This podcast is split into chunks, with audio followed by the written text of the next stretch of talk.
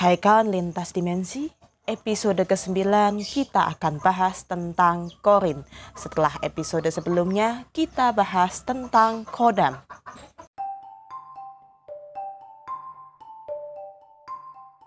Kawan lintas dimensi, mohon maaf sebelumnya, jadi saya mencoba untuk rekaman di luar ruangan dan uh, kalau ada suara-suara yang masuk mohon untuk diabaikan namanya juga di luar ruangan. Jadi episode kali ini saya akan mencoba kupas tuntas tentang siapa itu jin korin. Jadi secara istilah dulu ya bahwa jin korin adalah jin yang mendampingi manusia dari lahir sampai dengan meninggal. Setelah meninggal, tugas jin korin ini selesai dan dia akan kembali ke alamnya masing-masing ya. Artinya ada alam khusus untuk jin korin. Jadi ini berbeda dengan yang sering kita sebut sebagai arwah. Itu beda lagi, itu sudah akan kembali lagi ke tempatnya. Nah, untuk uh, spesifikasinya ataupun secara min detailnya seperti apa sih cincin korin ini? Yuk kita sama-sama dengarkan terus sampai dengan terakhir. Semoga episode kali ini bisa menjadi pencerahan bagi kawan lintas dimensi agar tidak ada lagi yang salah ya dalam mengartikan siapa si jin korin ini.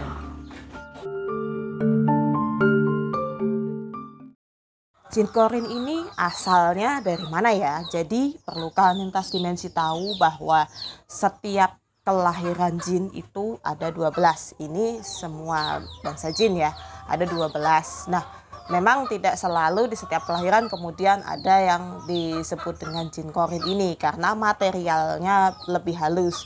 Jadi ya hanya di kelahiran tertentu saja ada itu ya anak yang dianggap oleh para jenis spesial lah karena mereka berbeda dengan saudara-saudaranya dan tidak akan mungkin untuk hidup dengan uh, saudaranya di alam jin sehingga dibawa ke alam yang khusus untuk jin korin dan di sana ada ibu asuhnya itu. Jadi si anak ini akan diasuh oleh ibu asuhnya sampai dengan dia siap untuk menerima tugas yaitu mendampingi manusia dari lahir sampai dengan meninggal. Jadi begitu asal mulanya jin korin. Nah, memang e, perlu ini ya kita tahu dulu bahwa terus setelah meninggal mereka ke mana gitu. Maksudnya setelah e, kita manusia meninggal terus mereka ke mana gitu. Gentayangan kah gitu seperti yang di film-film gitu. Enggak juga ya bukan bukan seperti itu. Tetapi mereka itu kembali lagi ke alam mereka dan menjalani kehidupan mereka. Ya layaknya makhluk hidup itu bagaimana menjalani kehidupan gitu kan. Tetapi ada juga mereka yang akhirnya terganjal di dunia ini gitu. Karena penyebabnya adalah karena si manusianya pernah punya hutang atau melakukan sesuatu hal yang bisa membuat si jin korin ini malah justru nggak bisa balik ya ke alamnya. Nah, apa saja yang membuat uh, si jin korin ini terganjal gitu kan? Jadi masih ketinggalan di sini. Saya akan bahas setelah ini ya.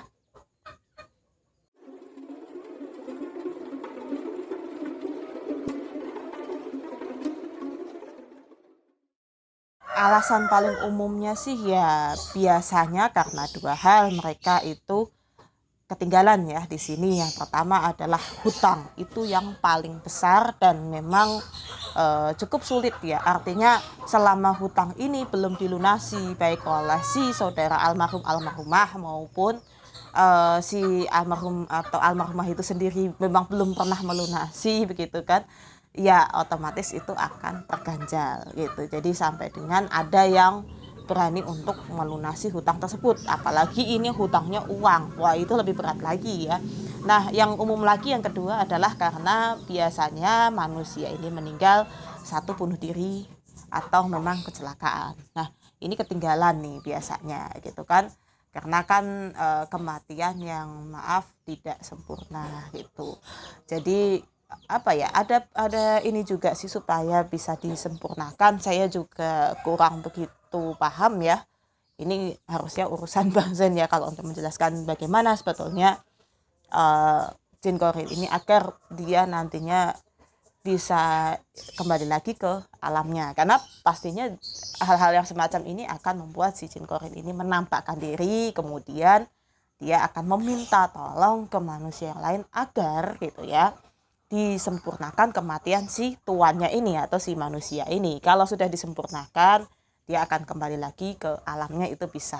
Tapi kalau selama itu belum disempurnakan ya ya akan tertinggal gitu ya. Kita tidak tahu sampai kapan gitu. Makanya gak heran juga banyak ya yang e, beberapa peristiwa seperti ini ketinggalan gitu. Akhirnya jin korinnya menampakkan dan ya minta tolong sebetulnya agar disempurnakan. Tetapi ada yang tidak bisa disempurnakan yaitu mereka yang melakukan bunuh diri. Ini susah itu paling mereka muncul memunculkan diri tetapi meminta doa agar bisa ini disempurnakan gitu. Tapi ya ya gimana ya? Karena bunuh diri ya. Jadi ini kan sebuah cara fatal untuk mati gitu. Jadi sus cukup susah ya agar ini bisa disempurnakan ya. Saya belum pernah mendengar cerita bahwa ternyata bisa disempurnakan kematiannya orang yang bunuh diri. Karena ini bukan masalah arwah penasaran bukan. Tetapi kan itu sudah kita sudah tahu ya bahwa hukumnya mendahului kematian kita itu kan tidak boleh itu jadi iya itu sudah hukum alam dan aduh nggak bisa kita untuk uh, ini ya istilahnya mencoba untuk memperbaiki itu ya sejauh ini ya sejauh ini. Jadi kalaupun kirim doa itu oke okay, gitu kan. Kita kirimkan doa tetapi tidak tahu apakah itu bisa menyempurnakan kehidupan si eh maaf kehidupan kematian si manusia ini atau bagaimana itu yang kita nggak tahu. Jadi ini juga peringatan ya bagi kalian yang uh, suka berputus asa kemudian ingin sekali mengakhiri hidup. Karena ini peringatan buat saya juga jadi tidak hanya buat lintas dimensi buat saya bahwa nggak bisa sih kita terus main gitu aja ya. Wah main mutusin hidup gitu karena sudah stres pusing nggak tahu harus ke mana begitu.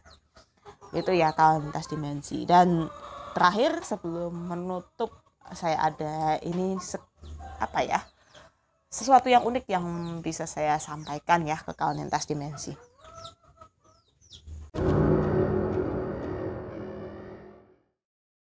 ada satu statement yang buat saya cukup miris ya sebetulnya untuk mendengarkan tentang hal ini. Jadi saya pernah mendengar satu cerita dari teman saya ya waktu SMA dulu bahwa dia pernah uh, bertemu dengan seorang ya anggaplah itu seorang ahli ya, seorang ahli di bidang supranatural. Saya tidak bisa menyebutkan dia spesifikasinya ke mana tapi ini lebih ke agama lah.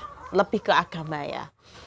Jadi teman saya ini mengundang si ahli itu karena pada saat itu begitu kan si adiknya ini terjadi sesuatu gitu tanda, dalam tanda kutip ya maksudnya kayaknya ini terlalu galau atau bagaimana saya nggak ngerti mungkin ngamuk-ngamuk sendiri jadi nggak stabil secara psikologisnya sehingga diundanglah si orang ini begitu oleh keluarganya.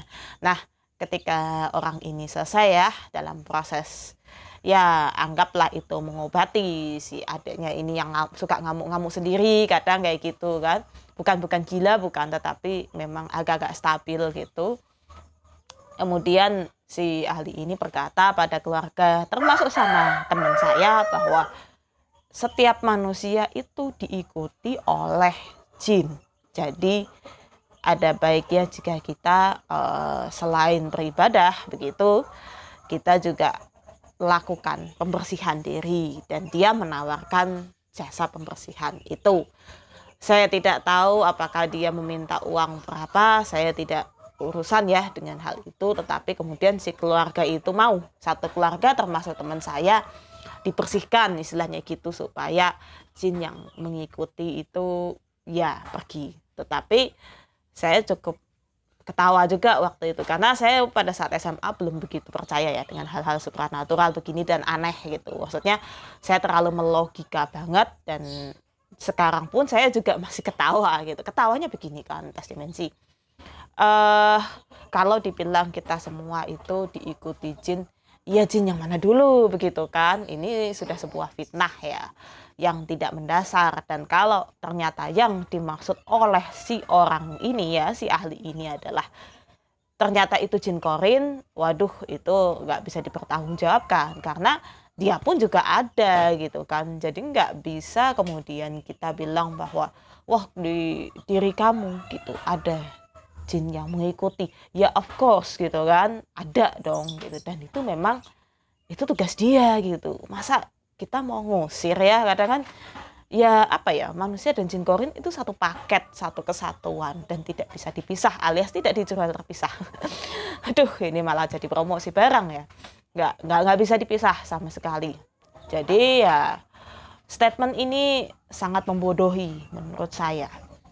Saya ingin uh, mencoba meluruskan sedikit tentang statement ini bahwa tidak bisa jin korin itu diusir dengan cara apa pun dengan doa apa pun dengan metode apa pun. Karena memang ya itu kan tugas dia ya. Gimana cara mengusir gitu. Jadi semisal kita kerja di kantor begitu. Kemudian kita diusir oleh seseorang yang di luar kantor itu kita nggak boleh kerja. Kan nggak bisa itu kan nggak bisa. Karena kita kan bekerja di situ lo apa hak anda untuk ngusir? Nah, seperti itu ya kan tas tensi itu simpelnya itu cocokologi yang nggak nyambung sebetulnya.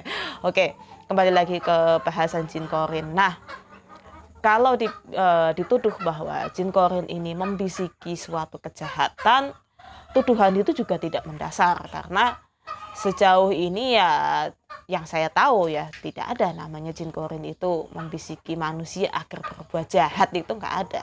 Nggak ada gitu. Karena kan dia hanya diam saja di situ paling gitu kan. Ya hal-hal tertentu yang dia lakukan gitu kan untuk kita. Tetapi sampai dalam konteks mempengaruhi hidup kita uh, maksud mempengaruhi adalah sampai menyuruh kita untuk berbuat jahat kok rasanya nggak sampai gitu ya nggak sampai ke situ. Dan itu kembali lagi itu sebuah pembodohan yang nggak mendasar. Tetapi kalau si ahli ini rupanya berkedok ya berkedok duit gitu maksudnya waduh uh, udah dia bikin statement pembodohan mana dia minta duitnya pula aduh ya parah sih maksudnya. Ya dia sudah melecehkan ciptaan Tuhan. Ya saya berani bilang dia sudah melecehkan ciptaan Tuhan dan main pukul rata bahwa semua jin itu bisa menghasut manusia oh enggak kita harus belajar dulu yang mana gitu kan Nah, seperti itu kalau lintas dimensi dan berbahayanya gitu kan. Bukannya tidak ada manusia yang tidak satu paket dengan jin korin ada. Tetapi kita tidak pernah menyadari bahwa ternyata itu sering kita lihat di pinggir jalan yang nggak pakai baju teriak-teriak atau mungkin yang ngomong sendiri sambil jalan dan ternyata mereka yang disebut ODGJ alias orang dalam gangguan jiwa. Itu mereka ngomongnya ngelantur kan mereka nggak jelas gitu. Mereka tidak ada arah dan tujuan makan ya makan gitu kan. Ya tidak ada ingin berkomunikasi dengan siapa begitu ya sudah lepas saja gitu. Itu itu salah satu contoh manusia yang uh, tanpa adanya kehadiran jin korit. Ya karena otomatis secara psikologis kita akan terganggu. Dan berakhir seperti itu. Jadi blank gitu ya. Kita nggak bisa berpikir secara jernih gitu. Bahkan bisa berbicara seperti saya ini nggak bisa. Itulah makanya kenapa saya sebut bahwa manusia dan jin korin ini sebuah satu kesatuan satu paket gitu nggak bisa dipisah dan tidak dijual terpisah. Karena itu tadi kalau misalnya uh, dipisah iya hasilnya kita mungkin sudah nggak pakai baju nggak tahu malu nggak ya seperti itu ya kan Sensi nah jadi sudah tahu kan bahwa ternyata manusia tanpa jin korin itu luar biasa bahaya. Tetapi tidak bisa juga kita tarik statement bahwa jin korin itu berbahaya dan menghasut uh, manusia untuk berbuat kejahatan tidak bisa juga. Oke cukup sekian ya kalian dimensi. Semoga episode kali ini benar-benar bisa mengedukasi dan jadi jelas oh ternyata selama ini banyak statement yang salah. Dan itu hanya beberapa ya yang saya sebutkan yang saya tahu. Karena banyak juga yang salah yang lain yang ya bahkan menyesatkan statement-statement tentang jin korin tetapi baru itu saja yang bisa saya sebutkan gitu. Karena saya lupa kalau saya ingat mungkin saya akan ulas lagi di episode yang berikutnya. Oke Cukup sekian dan salam